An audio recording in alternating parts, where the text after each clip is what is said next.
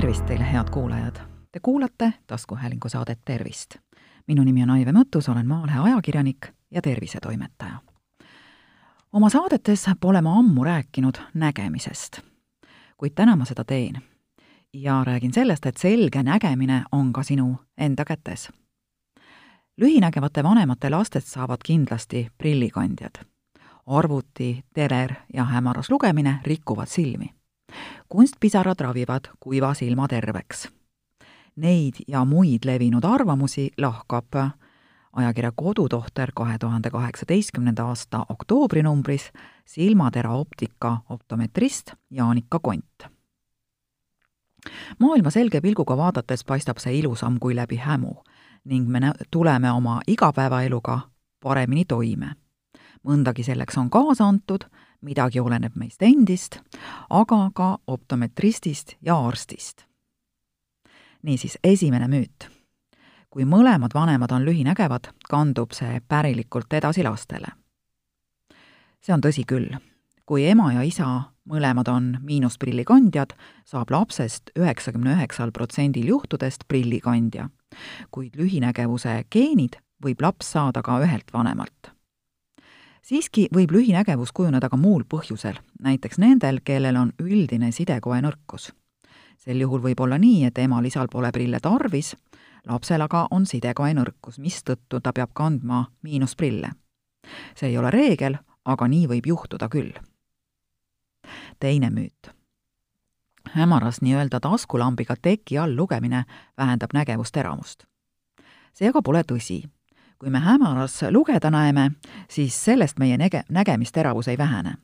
küll aga on teksti ebamugav vaadata, samuti väsivad silmad rohkem kui normaalses valguses lugedes, sest me peame neid rohkem pingutama, et nägemusteravus oleks hea. inimese silm ei ole loodud hämaras või pimedas hästi nägemiseks.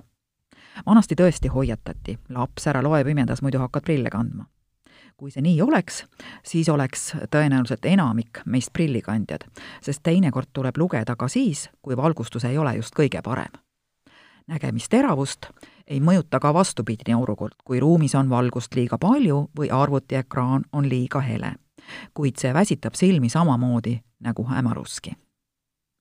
kolmas müüt rohke arvutitöö ja teleri vaatamine kahandavad nägemisteravust, mistõttu peab hakkama kandma prille see ei ole tõsi. pikalt järjest arvutiga töötamine või teleri vaatamine iseenesest nägemisteravust ei vähenda. prille aga võib tarvis minna siis, kui nägemine on tõesti muutunud. meie nägemist reguleerib see, et pupillidel on vaadates võime minna kord suuremaks, kord väiksemaks, olenevalt sellest, kui kaugele me vaatame pikka aega järjest arvuti või teleri ees istudes või nutitelefoni näppides vaatame vaid ühele kindlale kaugusele mistõttu silmaliigutaja lihased hakkavad pikkamisi krampi tõmbuma ega suuda enam silma piisavalt liigutada. see vähendab meie nägemisvõimet ühelt kauguselt teisele. et seda probleemi ära hoida, tasub järgida tuntud soovitust teha aeg-ajalt pause, vaadata vahepeal ekraanilt mujale, näiteks kaugusse, liigutada silmi erinevates suundades ja anda nendele vahetevahel kindlasti ka pikemat puhkust. neljas müüt teksti lugemine paberilt väsitab silmi vähem kui arvutiekraanilt või e-lugerist. see on müüt. silma seisukohast vahet ei ole, kas loeme näiteks raamatust või arvutiekraanilt, kui tekst on sobiva suurusega ning tähed ühtmoodi tumedad ja selged. ainuke vahe on selles, et raamatut võime lugeda igal pool, kus ja kuidas tahame, istudes või pikali. samamoodi saame kasutada e-lugerit. pigem on see mugavuse asi vanast ajast on levinud ka arvamus, et pikali lugemine väsitab silmi rohkem kui istudes lugemine, kuid seegi on müüt. paberil teksti ei ole võimalik suurendada, kuid arvutiekraanil ja e-lugeris saame seda teha. nii võib tunduda mugavam lugeda, sest prillikandja ei pea prille ette panema. kui aga loeme liiga kaua ja pingsalt järjest, siis silmi väsitab tekst ühtmoodi nii paberil kui arvutiekraanil selle kohta on tehtud Eestis isegi üks magistritöö.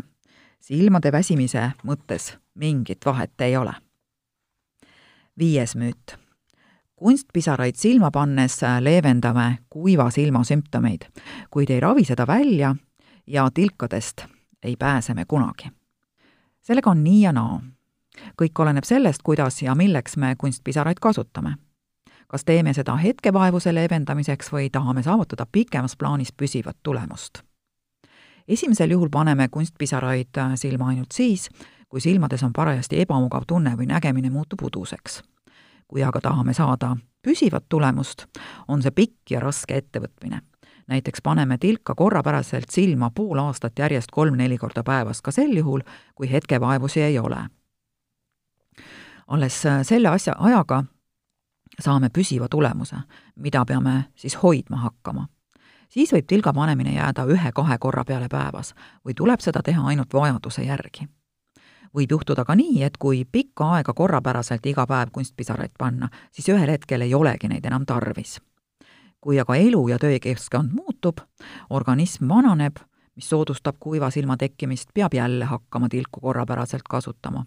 näiteks õhtuti, et hommikuks oleksid silmad head ja mugavad. ja kuues müüt. nägemise miinus muutub aastatega aina suuremaks, mistõttu on vaja üha tugevamaid prilliklaase. nii ja naa. koos lapsega kasvavad ka tema silmad kui lapsel on vaja miinusprille, aga ta neid ei kanna, kissitab ta silmi ja venitab silmi sedavõrd, et miinus suureneb rohkem kui prille kandes. sellistel lastel soovitatakse raamatut lugeda pigem nii, et see on otse silme ees, mitte nõndaviisi, nagu vanasti koolis õpetati, et selg olgu sirge ja kael kummargil allapoole vaadates. tekst peaks olema kõrgemal, vähemalt kalde peal, et silmamuna ei veniks pikemaks, sest just silmatelje pikkus miinust kasvatabki täiskasvanul aga tavaliselt miinus ei suurene, sest tema silmad on oma arengu lõpetanud ega kasva enam. täiskasvanul läheb miinus suuremaks ainult siis, kui areneb katarakt ehk hall kae. kui tekib kae, kasvab miinus seetõttu, et silmalääts muutub paksemaks, kuni lõpuks ei näe ka ükskõik kui tugeva prilliga. sellepärast ongi vaja niisugune laats ära vahetada, et saada selgem ja parem nägemine saate lõpetuseks aga sellest, kas imerohud teevad silmadega imet. on neid, kes loodavad nägemist parandada ravimtaimeleotiste, isegi tintuuride ja viimase aja nii-öelda imerohu mürgise ja söövitava kloordioksiidi silma tilgutamisega. kuid kas üldse on olemas vedelikku, millega saab nägemist teravamaks muuta? optometrist Jaanika Kont ütleb, et terve mõistuse kohaselt, kui enne kui midagi peale kunstpisarate silma tilgutada, tuleb nõu pidada optometristi või arstiga. täiskasvanu ei topi ju ka kõike suhu. nägemist ei suuda teravamaks teha ükski vedelik, sest nägemisteravus oleneb silmatelje pikkusest. kui mõni aine tõesti muudaks silma tilgutades silma pikkust, oleks see imerohi meditsiinis juba ammu, sadu või isegi tuhandeid aastaid kasutusel. kui inimene näiteks on nii loodud, et ta kasvab ainult meeter viiekümne sentimeetri pikkuseks, kuid tahaks olla meeter kaheksakümmend, siis võib ta ju kõike sisse süüa või endale peale määrida, kuid pikkus jääb ikka samaks. või loodab keegi kreemitamisega jalanumbri väiksemaks saada. no ka see ei õnnestu. samamoodi ei aita ka silmade määrimine kuidagi nende anatoomilist kuju muuta teine asi on see, kui me kunstpisarate või muu sobiva vahendiga silma loputame, et sealt näiteks prügi välja saada. aga mingi mürgise vedeliku silma tilgutamine on küll mõistusevastane tegu, sest silma limaskest on väga õrn. silmad on meil ainsad kogu eluks ja uusi neid kuidagi ei saa. milleks siis silmi tahtlikult rikkuda? head kuulajad, te kuulasite taskuhäälingu saadet Tervist. saate leiate Delfi podcastide pesas tasku, nutirakenduste Spotify, Apple Podcasts, SoundCloud ja teised. hakake jälgijaks ja kuulake just teile sobival ajal. ettepanekuid teemade kohta, mida saates käsitleda, ootan teilt e-posti teel aadressil tervist.maaleht.ee. minu nimi on Aive Mõttus, olen Maalehe ajakirjanik ja tervisetoimetaja. tervist teile!